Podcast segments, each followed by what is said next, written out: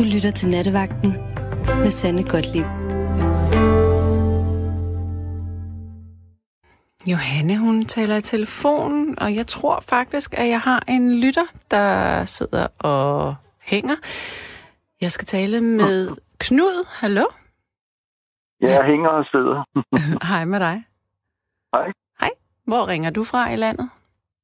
Københavnstrup. Københavnstrup, ja. Du ved, den der provins lige uden for New York. Snotklatten i smørhullet, ja. ja, det er lige, ja. Mm. Ja, altså, det kunne jeg godt snakke længere om, hvor, hvor, jeg, hvor fed jeg synes, København er blevet i de sidste år. Jeg har boet her i 40 år eller sådan noget, ikke? Det er den også. Og jeg kan huske, at jeg stod på broen over Ågade og kiggede på den grønne cykelsti mod nord, og øh, så de der slyngede gå- og cykelstier og tænkte, hold kæft mand, det her det er ikke lavet for de, by- de forretninger, der ligger ved siden. Det her det er lavet for de mennesker, der bor her i byen. Det er rigtigt. Nå, men du, du talte om folk, der har betydet noget, ikke? Og der er selvfølgelig mange, der betyder, vi betyder alle sammen alt for hinanden, ikke? Fordi det er ligesom, øh, vi oplever jo ret meget, meget mere, altså naturen, kan, vi kan ikke overleve naturen, vel? Vi overlever i, i samfundet, ikke? De fleste af os. Mm-hmm. Så, så vi er jo sådan set hinandens produkt, ikke? Men okay. Men altså, der er en bestemt person, som, det er jo så en kirkegård, som jeg fortalte, øh, Johanne? Johanne, ja. Ja, Han, hvad, øh, ja, jeg hvad er havde- det med Søren Kierkegaard? Det, jeg har ikke hørt det, så hvad er det? Nå, okay. For 44 år siden, da jeg var 20 år gammel, der havde jeg en angstneurose, som var trigget af en, øh, noget, noget, jeg så på fjernsynet. Ja. Og som, som så øh, forsvandt, da jeg så det. Altså, det var ikke sådan. Så vågnede jeg klokken 4 om natten, og så vidste jeg på en måde, at det var kommet af det. For det var den samme fornemmelse, men det var så en fornemmelse, som... Altså, ligesom, du bliver bange, og så kommer det der, jeg er bange, tilbage som en, øh, som en tærte, eller som en slags noget, du får serveret, ikke? Okay. Altså, det er ja. ligesom uden, øh, uden tilknytning, der er ikke noget at være bange for. Ah, så du kunne Og så betragte bliver det det. bare siddende på dig. Ligesom et traume, kan man sige. PTSD, ikke altså? Men Jeg skal... blev så bange, at, at det blev siddende på mig i hvert fald, ikke? Nå, okay, på den måde der. Jeg troede, du mente, at du ligesom var så, at du blev distanceret til det. Okay, men Mm. Ja, tværtimod. Altså, det var sådan, at øh, det, var sådan, det havde festet rod i mig. Den følelse af total angst, som jeg oplevede, ja. da jeg så ting Ja. i fjernsynet, var åbenbart rodfæstet i mig sådan, at jeg vågnede kl. 4 om natten og tænkte, der er, det der, der er den følelse, men jeg, der er ikke noget at være bange for. Hvorfor kommer den følelse? Hvorfor er den der her? Altså, Mm. Og så gik jeg panik, fordi det, det var, den gik jo ikke væk og sådan noget. Men hvad var det, du havde set i fjernsynet? Nå, det var simpelthen øh, ansigt til ansigt af Iman Bergman, Ja. og øh, Liv Ullmann spillede en rolle der, og øh, en hovedrolle, og hun øh, var så på et tidspunkt over at besøge sin bedstemor, eller mor, sin mor. Og øh, så sov hun i sit gamle værelse, og pludselig stod hendes bedstemor for enden af hendes seng. Og så tændte hun lyset for at se, hvad det var, der havde fået hende op af stolen, jeg lige vil sige, op af sengen, og, øh, og så så jeg det der billede af en, en du kender godt de der UFO'er med sorte øjne, ikke? Ja. Hun havde sorte pupiller, ikke? Og da jeg Mm. så det, blev jeg meget bange, ikke? Ja, det er det, det så meget, ja, ikke fordi jeg tror på UFO'er eller noget, men fordi det er meget umenneskeligt. Øh, Jeg har lige set en øh, video, hvor man snakker om, at øh, hvad hedder de der øh, Skal vi ikke alliger, de, Jeg ved alliger, de kan se hinandens øh, øjenretning Okay. på grund af det hvide i øjnene, ikke? Og det kan vi mennesker også, så vi ved, hvor hinanden er henne og sådan noget, ikke? Okay. Og jeg tror, det er en af grundene til, at det skræmmer. Nå, Det være. Men jeg blev altså bange og vågnede kl. 4 om natten, og så kom jeg tilbage til Søren Kirkegaard. Fordi øh, jeg havde jo læst det der kapitel om angst, og der havde jeg set hans navn. Øh, og, øh, nej, jeg havde set kapitlet, og så læste jeg kapitlet, og der stod et citat af Søren Kierkegaard, hvor der stod, angsten er et intellektuelt problem. Og jeg tænkte, ja, det er jo klart, det er, ikke, det er jo ikke øh, min fod, der er bange. Det er jo min tanke, der rummer angsten, ikke? Ja. Og det korte og det lange er, at det hjalp mig til at øh, undgå medicinering. Fordi jeg tænkte, man kan jo ikke løse et intellektuelt problem ved hjælp af øh, dopamin, eller hvad fanden man nu finder på. Ikke? Det hed det jo ikke dengang.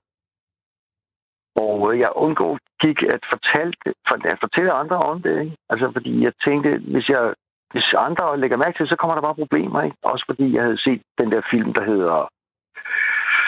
Åh oh, nej, den der antipsykiatriske film. Med Og Ken, Ken, øh, Ken Loach, den der engelske, det Ja. der socialrealistiske drama derfra. Øh, med de der rækkehuse og Ja, ja, men det er en Ken Loach-film. forsteder. Ja. Ja. Det hed Kitchen Sink-film, sådan noget rigtig socialrealistisk noget. Ja, og det var en af de Åh, første af dem, og det handlede om, at, at Hende der øh, pigen der, der bliver mere og mere psykisk syg. ja, og det var hendes forældre, der var, der var øh, moren var dybt religiøs, og Ja. prom, hvad hedder det, det er en modsat af promiskuøs, ikke? Altså, Ja, sådan total, øh, ja, sex var jo bare noget forfærdeligt noget, Ja. Og det var det, den kombination af, det, og så faren, som bare fandt sig i alt, hvad, hvad konen ja sådan sagde. under tøflen der. Fuldstændig uden male, og, øh, og den konflikt, som datteren kunne mærke, Den hedder Family? Life. family life. Ja. Det er rigtigt. Ja. Og, og antipsykiateren hed jo Ronald D. Lane, tror jeg nok. Ja, jeg kan ikke huske det. Nå, men den, her, den havde jeg hørt om i skolen, så jeg var ret nervøs for, øh, og jeg havde også hørt om, om, om at det var jo ikke øh, nødvendigvis min egen tanke, der var sindssygt. Det var noget, jeg tænkte, som var sindssygt. Det er altså ikke noget, der var, det var ikke mig, det var de, de tanker, jeg havde fået øh, at, øh, at bruge, ikke? Mm, Fordi det er et intellektuelt problem, det vil sige, det er ikke mig, det er noget, jeg har lært, ikke? ja. Mit intellekt, så det vidste jeg jo godt, mit intellekt, det var jo noget, folk havde puttet i mig, ikke? For det meste i hvert fald, ikke? Men, men Det vil jeg da tro. det er jo en ret vild ting, at du øh, kunne øh, tænke sådan på det, fordi Men det var svineheld. Altså, det var fordi, jeg havde set... Altså, jeg læste aldrig mine skolebøger, men jeg havde set, der var et kapitel, der hed angst, og så var det jo det er okay. det var ret nødvendigt for mig at, at, ligesom at tage den første og den bedste kilde, og jeg havde bogen med hjemme for en gang skyld. Ikke? Så jeg kiggede på den, og så det første citat, jeg fandt, det var Søren Kierkegaard, der siger, at det er et intellektuelt problem. Det er ikke... Men det sagde han jo ikke, men det behøver han ikke at sige, at det ikke er et spørgsmål om, at du har hormoner i fødderne eller noget. Ikke? Mm, mm. Men altså, i virkeligheden så... Øh, altså, det, jeg, jeg synes bare, det er meget fascinerende med folk, der kan, kan sige sådan, som du gør, fordi at de fleste mennesker vil jo nok sige, at angst det er noget, man ikke kan styre. Men du er jo gået... det er, det. jeg kunne jo heller ikke. Nej, men, men det kunne du jo så godt i og med, at du gik ind og betragtede dine tanker, Nej, altså, og så kunne så du jeg så kontrollere sige, det. det, var så måske, øh, sådan som jeg forstår det her efter, ikke? altså i Bagdad, det, det, er, det var spiren til at kunne styre det. Mm, okay, på den Men det er jo ikke sikkert, men jeg kunne også have trampet ved den spire, ikke? altså ved et uheld. Ikke? Ja. Ja. Altså, jeg betragter mig selv som heldig, altså, fordi at, men der skete jo også noget andet, ikke? fordi efter 14 dage, så var jeg på besøg hos nogen, jeg kendte, og de havde en, en gæst, som jeg også kendte, som var en sød pige, og vi sad og snakkede, fordi jeg var nødt til ligesom at holde mig selv i gang, så jeg lød som om, jeg var normal, ikke? Ja. Øh, og øh, så jeg kunne godt sådan føre en, jeg kunne, altså det var måske ikke særlig lammende i hvert fald, hvert fald for mit, min hjerne eller sådan noget. Jeg gik også op til eksamen og sådan noget, men, øh, men på et tidspunkt, så kom jeg til at sige et eller andet, jeg overhovedet ikke husker. Og så smilede hun til mig, på grund af det, jeg sagde. Det har måske været et eller andet, sådan noget, et eller andet. Det var måske ligesom den der, uh, he's the most miserable man I've ever seen, I love him. Altså den slags, du ved, sådan noget. Total kynisme, ikke? Ja. Det kan godt samtidig være skide sjovt, ikke? Og, men i hvert fald så smilede hun til mig med et smil, der fik mig til at glemme det i, hvad jeg fattede som fem sekunder, men følte som længere tid, ikke? Og så tænker jeg, okay, min hjerne er ikke låst i den her angst. Så det vil sige, at måske om 14 dage til, så kan det være, at jeg igen oplever en anden måde at være på, ikke? Mm. Altså, det er ligesom, du det var, skal jeg dø, eller skal jeg leve? Skal jeg leve med det her, ikke? Det var der konstant, ikke? Ja. Og så kommer der lige fem sekunder, hvor jeg tænker, åh, oh, wow, mand, ikke? Og, what? Ikke? Og så... Men... Og der var også noget med øh, en masse med solsortens måde at synge på, som jeg elskede, og jeg stadig elsker, ikke? Altså, som, som bare var blevet tom for mig. Ikke? Altså, og jeg kan huske, at der, der gik så et halvt år, og, og, og der gik mere og mere... Øh, det blev bedre og bedre, ikke? Og så efter... Prosit. ja. Og så, efter, og så efter et halvt år, så tænkte jeg, nu, nu har jeg det sgu egentlig meget godt. Nu vil jeg prøve, om jeg kan ringe den op igen. Men Den hvad var det, angst. der havde udløst den her angst egentlig oprindeligt? Jamen, det var det chok, jeg fik, da jeg så... Nå, okay, ja, den der ma- øh, øh, hvad hedder hun? Liv Ullmanns, øh, formoder jeg, bedstemor. Så det var spøgelse. udløseren. Der har jo nok Ja. ligget og ulmet alligevel.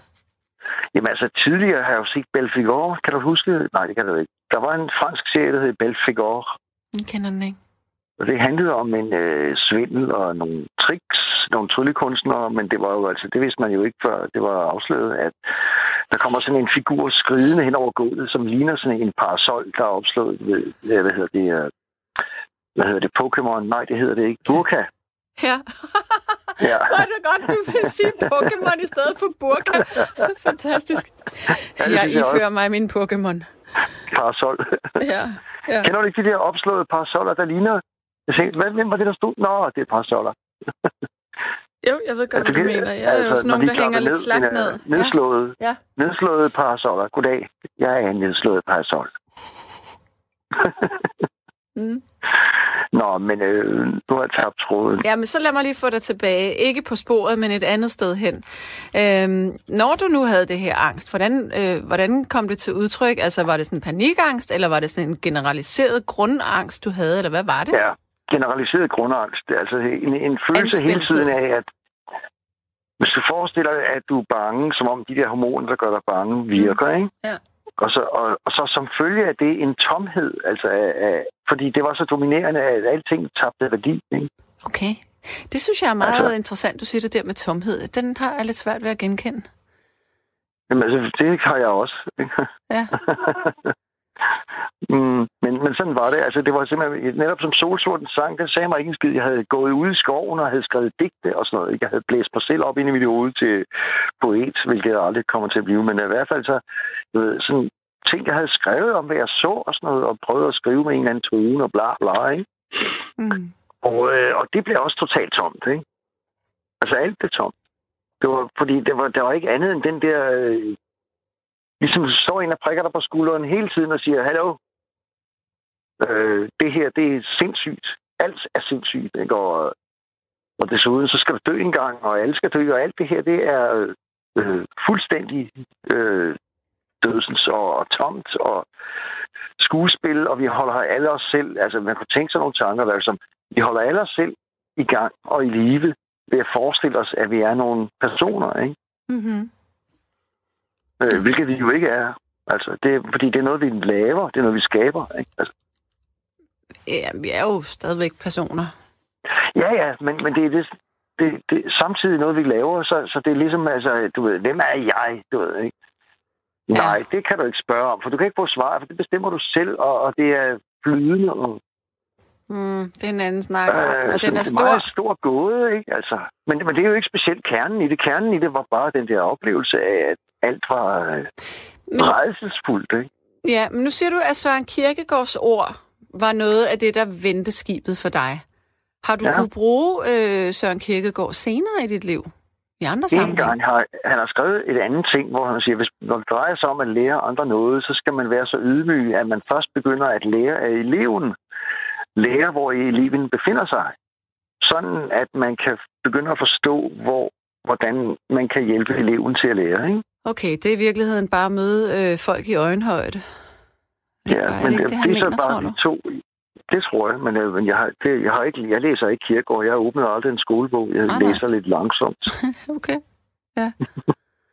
mm-hmm. Men jeg synes bare, det er interessant, når du spørger om det noget. Det første, der slog mig ind, det er kirkegård. Ikke? Altså, Jo, det er da fedt. Det kan jeg godt Og, lide. øh, og jeg aner ikke en skid om manden andet de to citater. Nej. Men de makker enormt meget sans, de der, altså. Fordi man Ja. kan jo ikke lære nogen noget, hvis man ikke ved, hvem de, ved, hvem de er, ikke? Mm, det var ret. Men så skal Og jeg man fortælle dig en ting. Altså, nu Ja. ja. ved jeg ikke, hvor i København du befinder dig. Øh, Sydhavn. ja, okay. Men så kender du godt, du kender øhm, ved øh, Storkespringvandet, Mm. den plads. Kender du godt, Ja. ikke? Jo, Hvis du nu men jeg står... ved ikke, hvad den hedder. Jeg kan, øh, jeg kan heller ikke... det er der ingen, der ved. øh, hvad fanden hedder den? Nej, det er der ingen, der ved. Nej, jeg kan ikke huske det, men det er i hvert fald der, hvor... Ja, Ja, der hvor de der guldæbler, de er i springvandet i der hvert fald. står springvand. Jamen, tager jeg nu fejl? Hvad hedder det første springvand i starten af strøget? Jamen, det er jo Gammeltorv Nytorv. Det er Gammeltorv. Jeg tænker på Gammeltorv. Gammeltorv, det, Ja. det der med, med de gule æbler. Ja, det er det, jeg mener. Det er Gammeltorv. Hvis du står... Nå, Nu, nu skal du øh, lige placere din, øh, din, øh, dit indre billede. Nu står du på Gammeltorv, og så har du... Øh, på din... Øh, så du skal stå og kigge med fronten i retning af Nørreport, op ad Nørregade. Ja. Så går du, øh, så går du hen øh, og stiller dig på den side af springvandet, som er tættest mod Nørreport. Ja. Og så hvis du går til venstre, så hvis du går til venstre, så ligger der, der er nogle øh, huse, som er sådan lidt skrå, inden de møder. Ja, spids. Øh, ja, jeg tror, Spidsgade. er det Vestergade, den hedder, den der gade? Jeg kan ikke huske, hvad den hedder. Ja. ja. Det her er Vestergade. Ja. De huse, der er, du ved, på venstre side der øh, på Gammeltorv, det, det ene det er rødt, og der ligger vist et værtshus i, i Der ligger en stueetagen. café øh, i stueetagen Yes. til Ja. ind mod strøget. Ja. Eller nej, på hjørnet ligger der en øh, 7-Eleven. Jamen, og så det- kommer værtshuset, Det er ikke det hjørne der. tror jeg nok. Det er Nå. det andet hjørne, øh, en 7-Eleven. Okay, du skal forestille dig, Eller også tager jeg fejl. ja, det er i hvert fald et rødt hus, der ligger der. Det Okay. hus, Lige et opvokset, øjeblik. Jeg tænder lige Google Earth. okay, det hus, opvokset Søren Kirkegaard i. What? Ja, på, anden, øh, på første Ej. eller anden sal. Jeg kan ikke huske, hvad for en etage det var. Men det, der er det fede ved den her historie, det er, at det her, det er noget, jeg har kunne bruge i mit liv, og som jeg selv Mhm. har gjort med mine børn, især mit yngste barn, jeg har tre. Øhm, Tillykke. ja, tak, de er store i dag, men, men tak alligevel. Mm.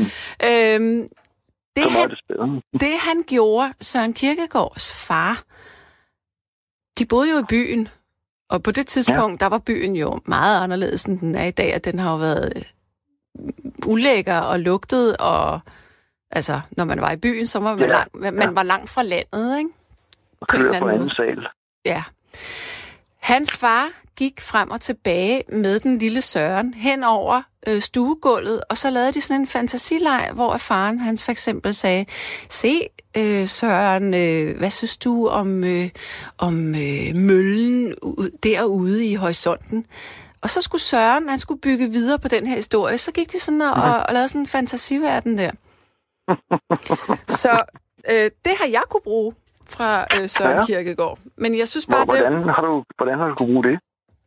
Jamen, det har jeg jo bare brugt i opdragelsen af mine børn, at de skulle lære at udvikle deres fantasi. Nå, ja, ja, ja, okay, ja. Så jeg har lavet den der med dem, da de var små. ja. Jamen, den er, den er fed nok, den der. Den kører jeg. Ja, Men jeg kan lige fortælle dig en anekdote, som ikke er en anekdote, men et faktum. okay. At jeg øh, engang var med sammen med 14, 15, 16 andre. Øh, tre rockgrupper, som købte et, øh, eller nej, hvad hedder det, lejede et studie, eller lejede et lokale i Vestergade 4B, Okay. lige ved siden af øh, det hus, du har talt om, jo, altså fordi det er jo Vestergade. Og det er to trin ned, og der kom, øh, hvad hedder det nu, Sort Sol, som hed Sot dengang. Ja, det kan og jeg godt huske. Og indspillede, men, men vores indspillinger var ikke øh, gode nok, så vi gik til Sweet Islands, som jeg kalder, er ude på Syd- på, øh, på Ja. Amager. Ja, som som jeg ikke kalder Syd. Sidelæns. Jeg kaldte dem meget Sidelæns, fordi jeg havde lyst til at tage lidt pis på dem. Øh, men øh, der var, vi havde sådan et studie, og så jeg kender jo Gammeltorv, fordi jeg boede der faktisk i nogle måneder i, Ej, i er det studiet, i baghuset, og gik ud og spillede på strøget. Jamen, så har du jo været i baghuset til der, hvor Søren Kirkegaard har boet.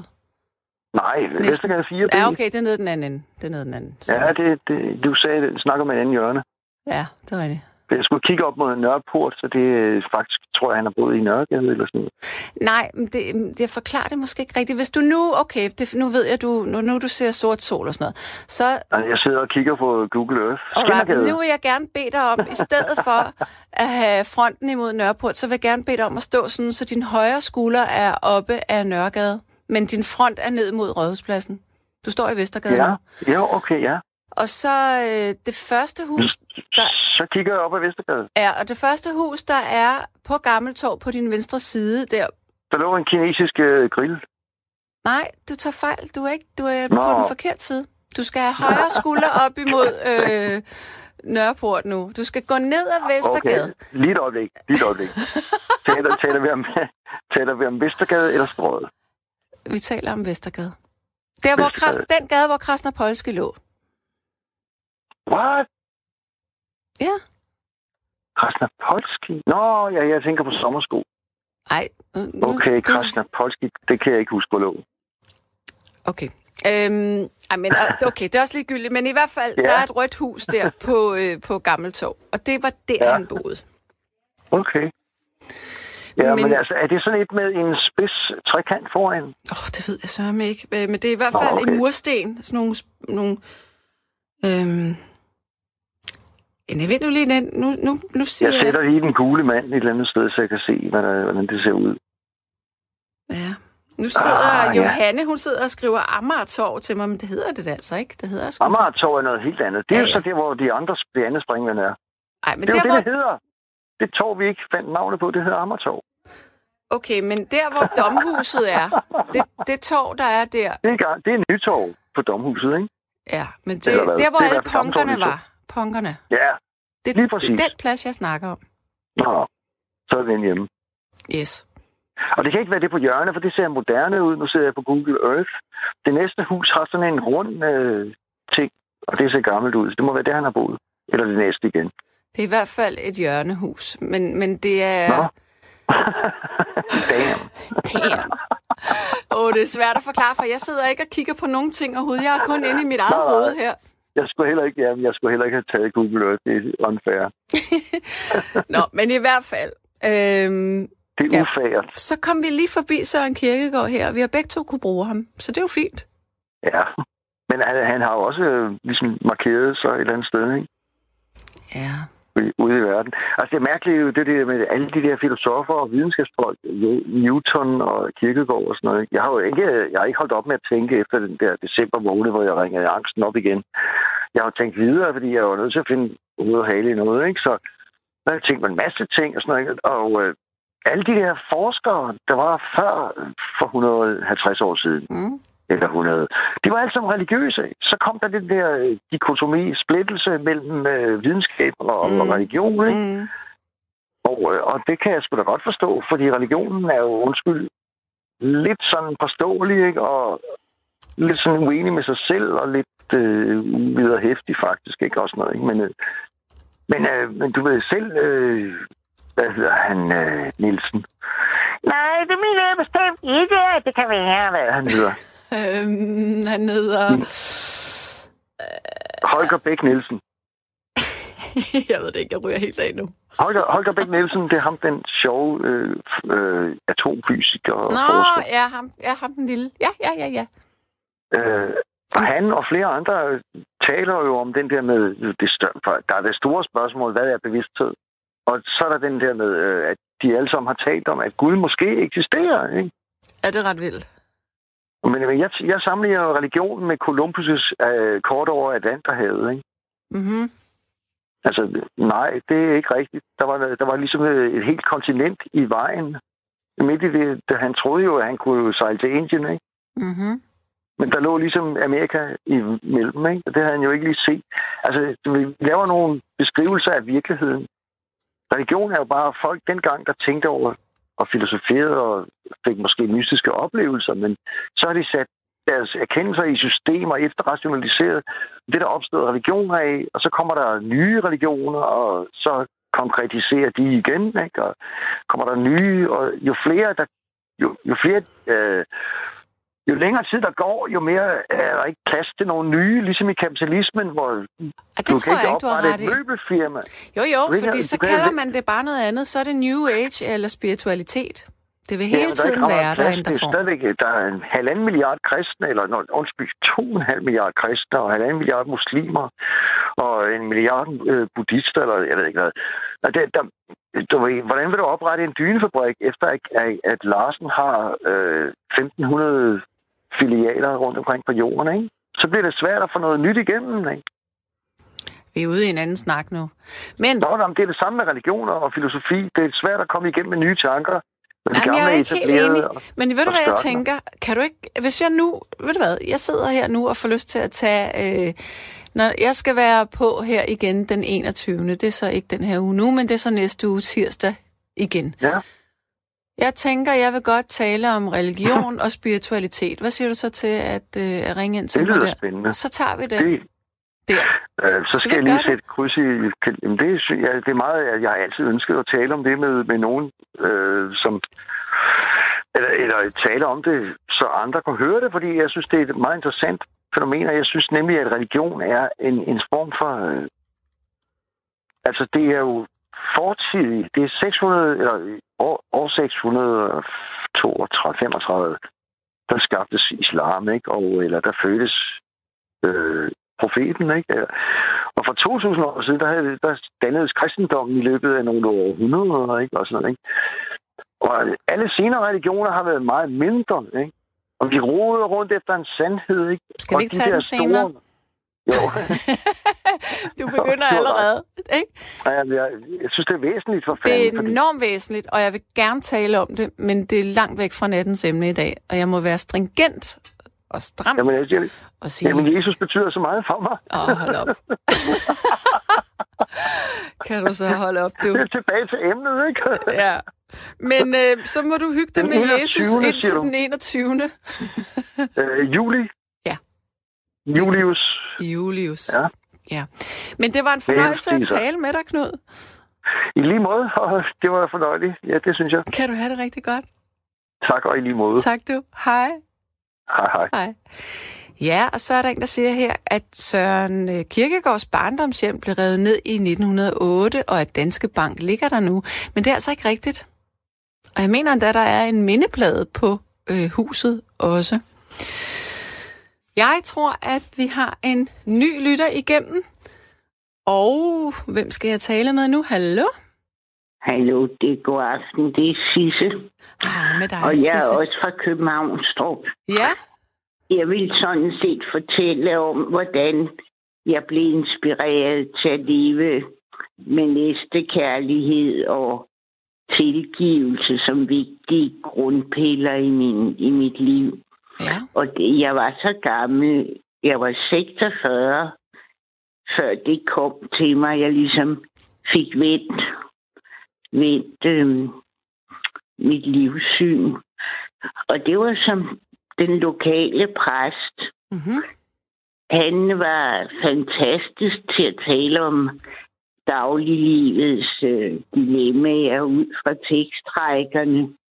Ja, Og, øh, og så, øh, så blev jeg aktivist i kirken og kom i menighedsrådet selv. Og for eksempel kan jeg give et eksempel. Der er jo nogle præster, som har svært ved at begrave selvmordere. der er hvad? Og, men det gjorde han, ikke i flæng, i flæng, men altså en enkelte. For eksempel så sagde han om en handicappet kvinde, der, der ikke kunne klare den mere. Ikke? Så sagde han, Lise var ikke træt af livet, hun var træt af lidelse. Nå, ja. Og, og det er jo fint, fint sagt til de pårørende, ikke? Jo, præcis. Men så kom jeg i, i øh, menighedsrådet selv, og så nogle menighedsråd, det drejer sig mest om tal og kolonner og økonomi og sådan. Så det var lidt over min fatteevne, det må jeg indrømme. Okay. Men så tænkte jeg, hvis dem, der sidder her, der er sådan 12-13 stykker, ikke? Mm-hmm. og så præsten og sekretæren. Hvis dem, der sidder her, er dem, der aspirerer til paradisets have, tænkte jeg i starten, Mhm. så håber jeg, altså, at der er nogle mere munter, farverige typer, der slipper ind også. Ja. det var sådan min første indtryk, ikke? Ja. Men så, når man så kommer ind i det mere, hvad skal man sige, ja, som aktivist, ikke? Ja. så, øh, så, øh, så smittede det lige så stille af på mig, den der, både med næstekærligheden og tilgivelsen, at det var faktisk noget, af, der blev praktiseret. Ja. Og øh, det hjalp mig i en bestemt sammenhæng, for jeg, om jeg så må sige, arvede tre små børn på to, tre og fem år, så havde jeg en på tre, og så fik vi en. Så det var en ordentlig flok. Det var Hold da 0 op, til ja. 6 år, ikke? Ui. Og øh, der var så meget ballade, når de skulle på ferie hos deres mor. Nå, for søren, ja. Og hvad jeg skrev til amtet og statsamtet, og jeg ved ikke hvad. Nå, det var sådan oppe bakke, og sådan i 10 år, ikke? Men så, så viser det sig, at børnenes biologiske mor, hun fik så to drenge efterfølgende. Og, øh, og da, da de voksede til, der blev den ene sådan lidt ud til bens rocker og sådan lidt i den stil der. Ikke? Men han havde også fået mange tæsk af faren. Og øh, så dør han Faren. i en overdosis. Faren. Og øh, barnet, Barnet? Nå. sønnen dør i en overdosis, da han var ung. Og da det skete, der tilgav jeg den biologiske mor det hele, alt det, hun havde forpestet mit liv med, ikke? At, fordi jeg synes, det havde ingen fortjent. Men det tror jeg ikke, jeg havde kunnet tilgive hende, hvis ikke øh, præsten og, og, hvad, og dem, jeg mødte det, og det arbejde, vi gjorde sammen, hvis ikke at det havde betydet så meget for mig. Mm. Det var da flot. Og Men må jeg ja, spørge det er jeg glad for, at jeg kunne. Ja, for det gav dig fred, kan man sige. Ja, det kan du tro, det gjorde. Men hvordan forpestede hun dit liv? Jamen, det var jo dengang, når en mand havde fået tre små børn, så var der ingen hjælp at hente. Uh, altså, og, og hun havde jo selvfølgelig fortrudt, at hun gav dem fra sig, ikke? Så de, de to, de skændtes i 14 år om de tre børn der. Det var et mareridt. Men så de ikke deres mor? Jo, jo, det var det, vi skændtes om. Okay, men Hvornår og hvordan, og hvor tit og hvor længe og alt det der, ikke? Så Det der, ved jeg ikke, om du selv har prøvet, oh, hvordan og hvorledes. det er det kan være opslidende. noget af et mareridt, ikke? Jo, det kan det godt. Ja. Så, og alt det der, det havde sådan set også fået mig ned med flaget på et tidspunkt. Mm. Men der skulle så meget til, at hun skulle ud i den ulykke og sorg, før jeg ligesom kunne slå en streg over det. Mm. Ikke at jeg ondte hende. Jeg synes, det var så forfærdeligt, at det havde hun trods alt ikke fortjent, selvom hun havde været en strød bitch, ikke? Mm. Men så næste kærligheden til hende, det ved jeg ikke, om jeg har. Det er jeg ikke sikker på. Det er jeg ikke sikker på, jeg har. Og, Men hvad, tilgivelsen, den lærte jeg der i det sovn, ikke? og hvad så i dag? Altså, det er jo nogle, det er jo nogle voksne børn i dag. Ja, det er det. Lever moren stadig? Ja, det gør hun. Har du kontakt til hende? Nej, jeg har kontakt med mine børn og hendes børn og vores børnebørn og sådan noget, oldebørn og så videre, ikke? Hvordan er Nej, det så? kontakt. Hvad, hvad, hvad, så, hvad gør man så, når, når... Altså, fordi du fik også barn med den her mand.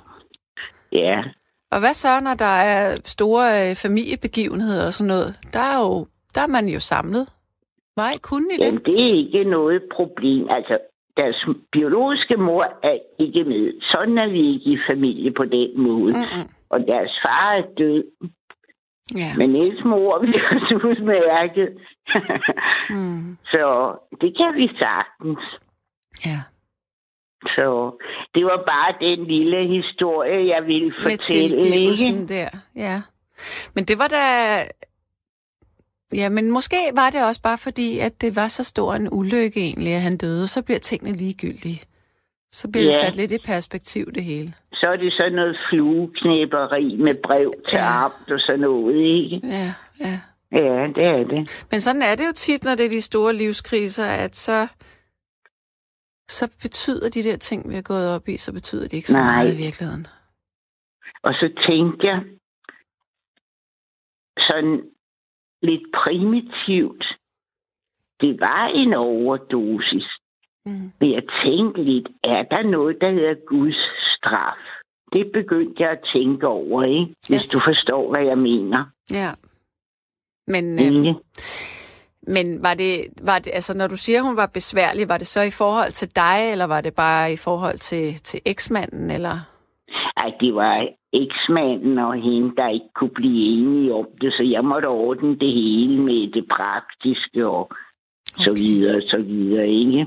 Ja, okay. Så var han jo egentlig også en del af den konflikt, kan man sige. Ja, de havde hinanden. Til, altså efter ægteskabet, ikke? Mm. Men det er selvfølgelig ikke gjort altid, men de har tre børn sammen, vel? Mm. Så... Ej, øh, men jeg ved godt, der har været udsendelser om konflikter og ægteskaber, så, så det synes jeg ikke, vi skal gå ind på. Nej, det behøver vi heller ikke. Men jeg kan godt lide at høre dig sige det, fordi du er en, en ældre kvinde med et langt liv bag dig, og der er jo mange, der kommer i den situation undervejs i deres liv, så derfor synes jeg, det er interessant at høre, at det er en ting, der Ja. altid har været der. Ja, det er det. Ja. Nå, men altså, jeg vil sige tak til dig. Jamen, tak i lige måde. Det var Og jeg dejligt. synes også, det er et godt emne. Det kan føre vidt i resten af aftenen. Ja, det håber jeg. Ja, Må vi håbe. tak for det. Ja, Hej, hej. Selv tak du. Hej. Ja. Øh, nu skal jeg lige se her. Jeg kan se, at Johanne taler i telefon, men det kan være, at vi hopper direkte ud i den øh, næste lytter. Nu skal jeg lige se, om jeg kan få kontakt til den kære dame på den anden side af ruden. Øh, ja, vi går direkte ud i den næste lytter. Jeg skal tale med... Nej, det gør vi så ikke. Øh, Godt, så vil jeg læse en sms op i stedet for. Der står her, min bedste studiekammerat kommer hjem til mig mandag middag, og jeg har ikke set ham i overvis, men han betød meget for mig under bibliotekarstudierne. Vi var på opgave sammen og i praktik. Ja. Hvis man ikke lige frem ved det, så kan man godt fristes til at tro, den kære Sisse en gang tilbage i 70'erne lagde stemme til hele Danmarks papegøje Andrea. Kære Sanne, ham der har betydet mest i mit liv, det er min gamle højskolekammerat Mogens Nielsen fra IAH. Der betyder alt for mig. Nu lever han ikke mere. Ære være hans minde. Øh, på mindepladen, nu taler vi om, øh, hvad hedder det, Søren Kierkegaard. Nå. på mindepladen står i påskriften, i det hus, som lå her indtil 1908, boede Søren Kierkegaard ved sin fødsel 5. maj 1813 til 27. april 1848. Efter bygningen blev revet ned i 1908, blev der opført en bankbygning, som i dag hus, huser Danske Bank. Nu ikke så stadig, kan jeg godt lide med vældig hilsen, Ina. Okay, jeg tager mine ord i mig, Ina, fordi du har, det lyder virkelig som om, du har styr på det. Men så er det jo slet ikke den bygning, som jeg påstår, det er. Det kan jeg ikke holde ud af, det ikke er. Nå. Men så fik vi i hvert fald det på plads. Nu skal jeg tale med en ny lytter. Jeg skal tale med Kirsten. Hallo? Ja, ja, goddag. Det er Hej. mig, ja. Hej med dig. Ja, øh, jeg har en, en person, jeg vil forfærdelig gerne fortælle om, som øh, jeg har, har kendt igennem de sidste øh, 22 år, som øh, har været en, en meget stor inspiration og, øh, og decideret hjælper mm-hmm. i forhold til øh, øh, mine børnebørn. Også i forhold til mange andres børn. Som, han, han er formand for det, der hedder Danmarks Børn. Ja. I, øh, i en frivillig og ulønnet forening, Okay. øh, øh, som øh, har været, øh, han har været på banen i, så, i over, ja, mere af det. Han er banen i omkring 30, måske mere, end- ja, 30 år cirka. Og øh, han har øh, øh, hjulpet utrolig mange familier i Danmark, som har siddet og været dybt fortvivlet over, at, øh, at der har været øh, kommuner, som har øh, øh, ønsket eller har begået øh, tvangsfjernelse af deres børn, uden, uden der har været det, det grundlag, der skulle være. Uden der har været den alvorlige grund, som man jo normalt siger, at det skal enten være det ene eller det andet, der skal være på færre, for at man, man gør så drastisk et skridt. Mm. Og øh, han har øh, sammen med mig og andre har vi stået og demonstreret på øh, store øh, torve og steder. Vi har, vi har holdt øh, foredrag, og vi har holdt debatter. Vi har øh, skrevet sammen. Vi har haft været interviewet til en, øh, en tv-station engang sammen, og vi har, øh, vi har arbejdet øh, utrolig meget sammen om det her emne, uden at nogen af os har fået nogen som helst øh, penge for det. Okay. Øh, vi, vi, tværtimod, så lægger vi selv til ud af vores egen penge for at gøre noget for, for Ja. at, at, at, at hjælpe.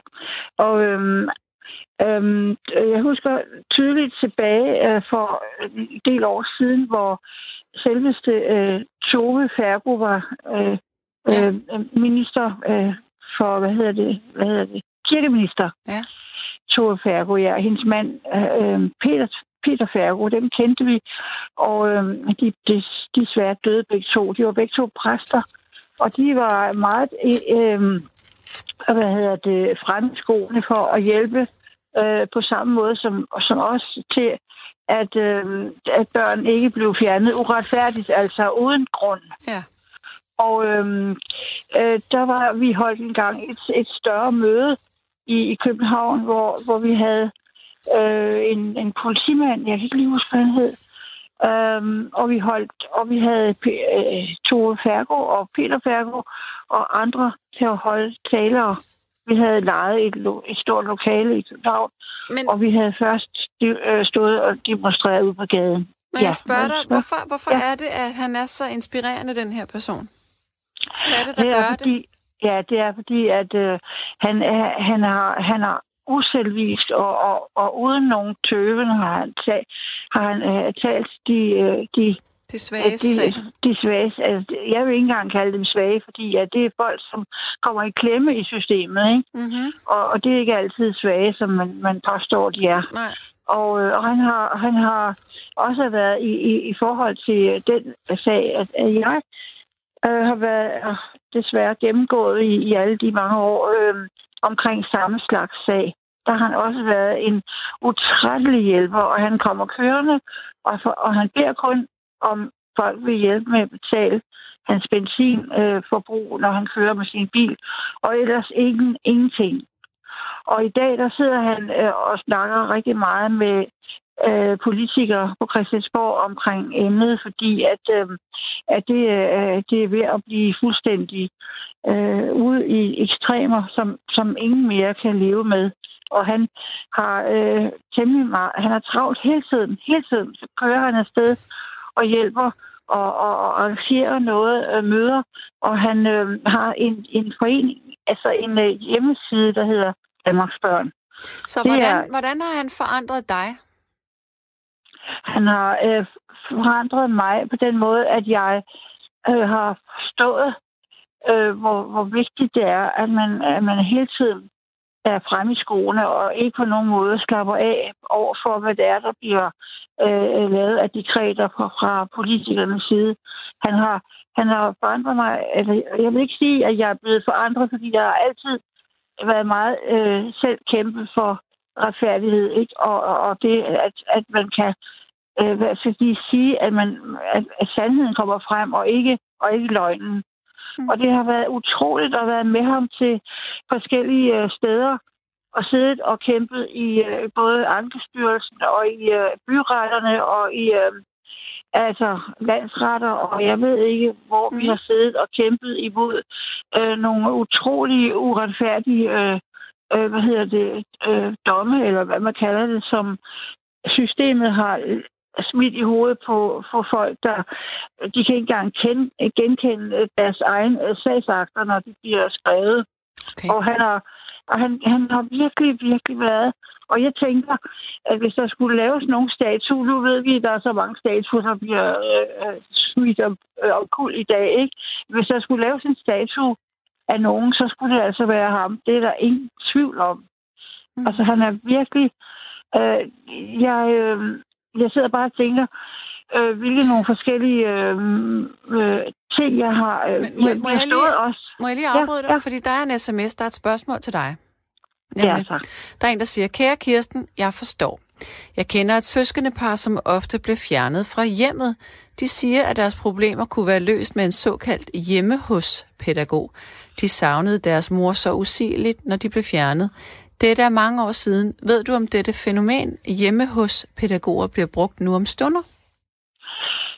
Det, gør det desværre ikke. Altså, det har vi også kæmpet så utrolig meget for, at de kunne øh, øh løse det med så enkelt en, en, øh, en mulighed, som en, for eksempel en rar dame, der kom forbi, lad os sige, et par timer øh, dagligt i starten, og så kunne komme nogle par timer om, om ugen. Fordi ofte er det øh, et problem, hvor, hvor øh, forældre øh, bliver øh, stresset af både arbejdspres og andre former for pres, at de ikke formår måske lige at, hvad skal jeg sige, at, at, at honorere de krav, som, som myndighederne stiller, som er urimelige krav, fordi det er, det, det er sådan, at vi... Øh, Hvad er det vi for har nogle prøvet, krav, der bliver stillet? Øh, altså, det, der, det, der, det, der bliver, det, der bliver gjort, det er, at man, at man, man påstår noget. Øh, for eksempel, hvis nu for eksempel en, en forældrepar har haft øh, problemer med et barn i skolen, altså rent udsagt, at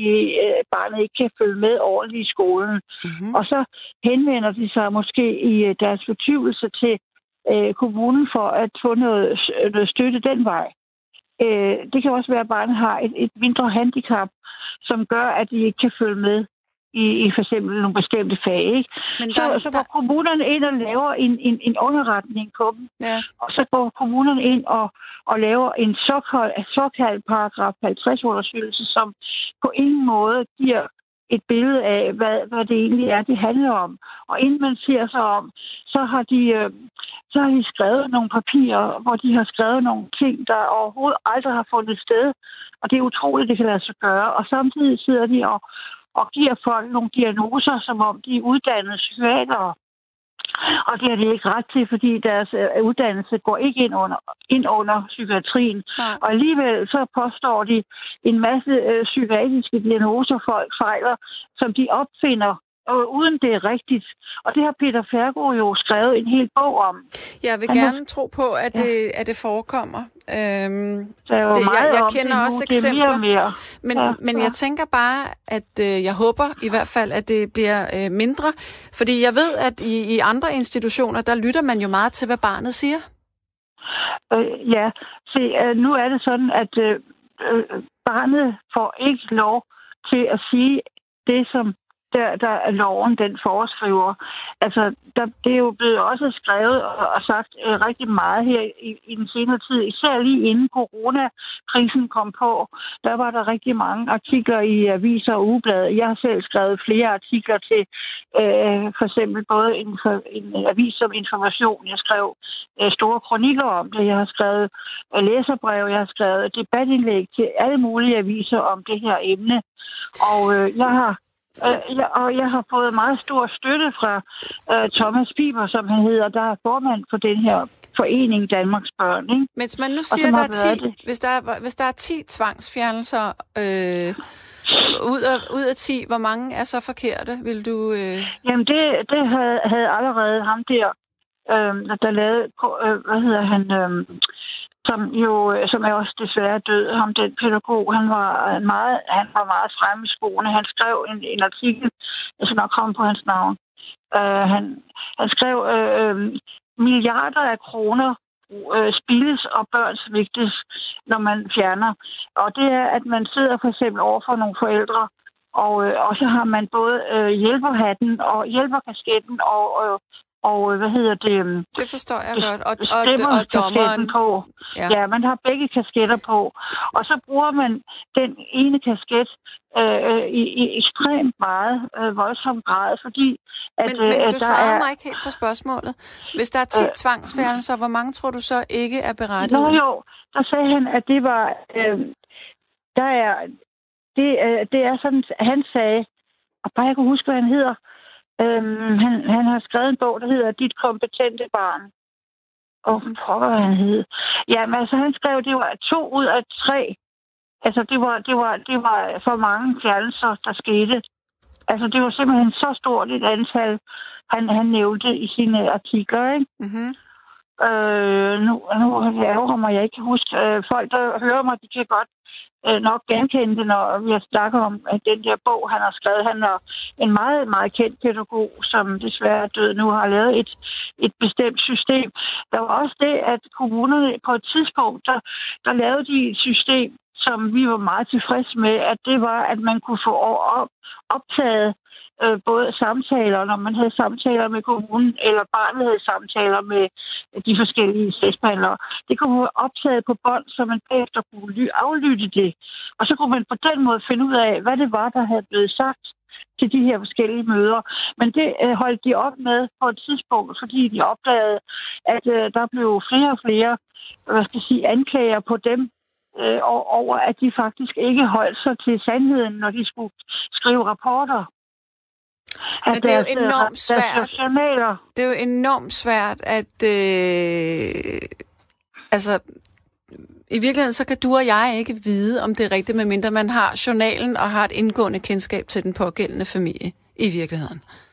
Øhm, ja. det, der er, det, det, nu nævner du noget, der får mig til at lige fortælle dig noget vigtigt. Mm-hmm. Det er, at, at kommuner, de øh, sorterer som regel de øh, klager, som vi har skrevet, som er øh, pårørende eller familier eller tæt øh, i forbindelse med de familier, dem sorterer de fra i, i deres, øh, når de tilsender øh, for eksempel Ankestyrelsen, eller hvor det nu er, der skal, sagen skal for, der så, så sorterer de, de alle de der øh, argumenter fra, som øh, vi har skrevet, fordi at de vil helst kun have det deres egen indstilling, der kommer frem.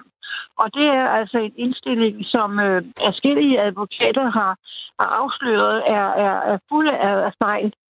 Det er sådan, at deres øh, fejlprocent, den ligger helt op på øh, omkring øh, 90 procent. Det er jo blevet sagt... Det tror jeg simpelthen ikke på. Øh, det skal du heller ikke tro, fordi det er en viden, som du kan, du kan skaffe dig. Altså, du, øh, øh det er igennem flere år, det er blevet sagt, at, øh, at deres fejl procent, den ligger og svæver helt deroppe, og øh, at det er ikke rimeligt, at, at det skal være, få lov til at blive ved med at foregå. Det er, det er jo KL, der, har, der også har afsløret det. Og det er jo, KL er jo, øh, det er jo det er noget, man regner med af en øh, organisation, man kan stole på. Så det, den, den behøver du slet ikke at, at hvad skal jeg sige, øh, miskreditere, fordi det er skrevet og sagt masser af gange. Okay. Jeg vil godt altså, tro på, at det sker på et fejlagtigt grundlag nogle gange, men, mm-hmm. men jeg, jeg nægter simpelthen at tro på, at det er 90 procent, vi er oppe i her. Nå, men så, så må du bare øh, ja, det prøve bliver... at, at, at undersøge det. Du ja, behøver slet ikke at tro på mig. Nej, nej, nej, Du behøver slet ikke at tro på mig. Men, men hvis, det, i, i så fald, i så er det jo vanvittigt. At det, at det kører. Det er meget, det er meget, meget vanvittigt. Og det er sådan, at, at øh, vi har forsøgt, vi er rigtig mange, der har forsøgt både øh, ved hjælp af at demonstrere på gader og stræder, men også med at skrive og, og fortælle om sager, sagerne til, til øh, øh, socialministeren. De forskellige socialministre, som jeg har skrevet og været sammen med og skrive til, mm. det er noget omkring en små snart øh, 15-20 stykker efterhånden, som alt det, øh, det tid, jeg har været inden for det, ikke? Mm. og kend, kendskab til det. Det forfærdelige ved det er, at de, øh, at de øh, tillægger kommunerne så stor tiltro, som de gør i forhold til, hvad, de, hvad der bliver skrevet og de, øh, de undersøger det ikke nærmere, og øh, øh, kommunerne får lov til at, at køre det øh, fuldstændig, uden at der bliver lavet ordentlige, hvad skal jeg sige, øh, registreringer på, øh, om det er sandt, det de, skriver, det de skriver og siger.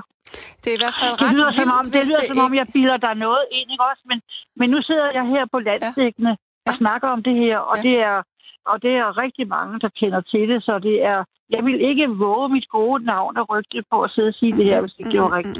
Mm, Men jeg vil give dig ret i, at der er en tendens til, øh, at, øh, at øh, der er mange, der øh, begynder at agere terapeuter eller uddelegere... Øh, øh, jeg vil ikke sige diagnoser, men termer omkring mennesker, som ikke har øh, har den faglige kompetence eller bemyndigelse til at gøre det. Det vil jeg give dig ret i. Jeg ved, jeg ja, ved ikke, om du har ret i det, du det siger, rigtigt. men jeg synes, det er, det er nogle vilde jo, tal, du fortæller mig. Og hvis det, det, det er, ja, ja. Hvis, hvis det er rigtigt, så er det jo, det er, så er det jo helt galt. Og gang, det, er, det, er, det er meget, meget galt. Og det er, det er sådan så, at, øh, at det, øh, det er utroligt, at øh, vores øh, myndigheder de ikke at de ikke gør noget ved det. Men øh, de er jo en del af det, så det er derfor, det er rigtig, rigtig svært at, mm. at hamle op med det, fordi de, lader, de tillader, at det sker. Mm. Fordi der er, at det er jo efterhånden blevet så, så voldsomt et problem, at øh, der sidder adskillige øh, børn, der er blevet fanget i det system, uden at de behøvede det. Og mm. der er selvfølgelig nogen, der absolut behøver det, men når man tænker på de der slemme sager, der hedder Tøndersagen og, mm, mm, og mm. øh, øh, øh, Skanderborg, og jeg, jeg, kunne komme, jeg kunne sige mindst 10 af altså, den slags, ikke? Ja. der gjorde kommunerne intet. Nej, og de, de, og de, de, lod det, de lod det bare øh, køre, ikke også? Og ja. det er det, der er så forfærdeligt, når jeg kan godt se, at nu sidder jeg og siger noget, som egentlig kan koste mig rigtig meget, øh, øh, når jeg fremover lever, fordi at det, det er noget, der virkelig prøver at blive holdt i, i hemmelighed og i, i, i skjult, men det er efterhånden ikke spor skjult mere. Mm-hmm. Det er sådan, at det er kommet meget voldsomt frem, og det er, det er sådan, at øh, der findes flere organisationer, der sidder frivilligt og prøver på at få det på få øh, ret og brand til at være øh, du ved, jeg ved ikke, ja, ja, ja, ja. ja, ja, ja. Retterbrand. ja, ja. altså, man kan, jeg kan ikke rigtig lige huske lige, hvad jeg skal sige nu, Nej. men det er sådan, det, det, er sådan, det findes. Men, og det, er, det, er, det er grusomt, det der sker. Det er rigtig grusomt. Ja, jeg, vil, øh, jeg vil lige fortælle dig, at der er en, der skriver ind her, at, øh, at hans kone er øh, ude pædagog. Er det stadigvæk? Hvad betyder ude? Hvad ja, betyder nu skal ude de se. Nu skal de finde den rigtige. To sekunder. Øh, Hej, der findes stadigvæk hjemme hos pædagoger. Min ekskone er det, og de laver et kæmpe arbejde. Det er der en, der skriver her. Jeg kan ikke vide, hvad du mener med en uh, en, en pædagog, som, som det? besøger, som kommer i hjemmet. Det var det, vi talte om uh, tidligere. Øh, altså, der har jo været utrolig meget i, i radioen også i, øh, omkring øh, øh, de steder, dem, som kommer ud og skal øh, se ud, som om de hjælper folk. Ikke? Men, men det, er, øh, det er sådan, at, øh, at der, skal, der skal ingenting til i dag, før at, øh, at kommuner de, de laver altså anmeldelser på, mm. eller folk laver anmeldelser på det er nemt at lave som... anmeldelser på hinanden ja, i hvert fald. Det er det, ja, på hinanden, ja. Ja, og det, det er meget nemt, og det og er det er, nem, det er nemlig det, der er så frygteligt, fordi at, øh, at du får ikke den rigtige, du får ikke en ordentlig rettergang. Altså, forstår du, hvad jeg mener? Du får ikke en rettergang. som, som, som, eller, som, eller, jeg ved ikke, om man kan sige en ordentlig rettergang, men i hvert fald en ordentlig sagsmappe hos øh, det gør, kommunen. Nej, nej, det, det gør man ikke. ikke, fordi nej, sagsmappen, den er, den altså, er det er utroligt, hvor mange øh, fejl, der befinder sig i disse sagsmapper. Ej, hvor mange løgne der findes. Ja, det, ja, ja, det var godt, du selv sagde, og løgne, for det er nemlig det, det er. Altså, der, man, man, man, øh, man sidder... Jamen, det er jo... Øh, ja, jeg ved ikke, hvordan jeg skal sige det, uden at jeg skal sidde og anklage Nå, men du øh, har selve systemet. Det. Øh, nå, det er godt, jeg så har sagt det, ja. Men ved ja. du hvad? Øh, der er tusind sms'er, så nu vil jeg lige runde af med dig. Og sige hvad, tak. Øh, Jamen, jeg prøvede også at komme ind på det, øh, uden at skulle, øh, hvad skal jeg sige, øh, øh, hakke og stamme for meget i det, fordi jeg har været en del selv af det i de sidste 20, 22 år, mm. og jeg kender alt til det, og jeg har skrevet rigtig meget selv. Og jeg har skrevet ind til øh, socialministeren mange gange, mm. og det er vi rigtig mange, der gør, men vi får aldrig nogensinde svar. De, de vil det, de vil, og sådan er det, fordi det er jo det er blevet en stor industri, så er det sagt. Yes. Tak. Det lyder uhyggeligt, men det er det. Okay, tak fordi du gad at høre på mig så langt hen ad vejen. ja, ha, det er godt. Ha' det rigtig godt, du. Tak skal hej, du have. Ja. Hej. hej, hej, hej, hej. Ja, og der er en sms her. Øh, den er fra Ina Gottlieb. Huset, hvor herr Kirkegaard boede, lå på Nytorv 2. Ha' en dejlig nat. Jeg kan høre øh, Stanjol. Er det mon chokolade? Nej, ved du, hvad det var? Det var det her, du kunne høre. Det var sådan en lille pakke med sådan en, øh, en sprit, øh, øh, hvad hedder sådan noget, en spritserviet. Jeg skulle tørre mine fingre og computeren af. Det var det, du kunne høre. Der er en, der siger, at det er så dyrt at fjerne børn, så hvad er kommunens motiver for at fjerne, i stedet for for eksempel at sende en hjemme hos pædagog? Og så er der en, der siger, at øh, den bog, der blev henvist til, den, det er Det kompetente barn, og den er skrevet af Jesper Jul. Øhm, og så er der en, der skriver, at Dansk Bisiderforening stiller op, hvis der er, hvis det offentlige forsøger at fjerne et barn. Øhm, så er der en, der siger noget, og der vil jeg give dig ret. Sjovt nok, som alle folk spiller Fleetwood Mac, og ingen nogensinde spiller Ricky Lee Jones. Åh, oh, jeg elsker Ricky Lee Jones. Nå. Som for eksempel et hvilket som helst nummer fra hendes fantastiske første album. Lige præcis den der med Chuck is in love. Et eller andet den stil. Øhm, en glødende, kvindelig, nærværende stemme og musik, som ingen, hverken kvinde eller mænd, nogensinde har kunnet overgå.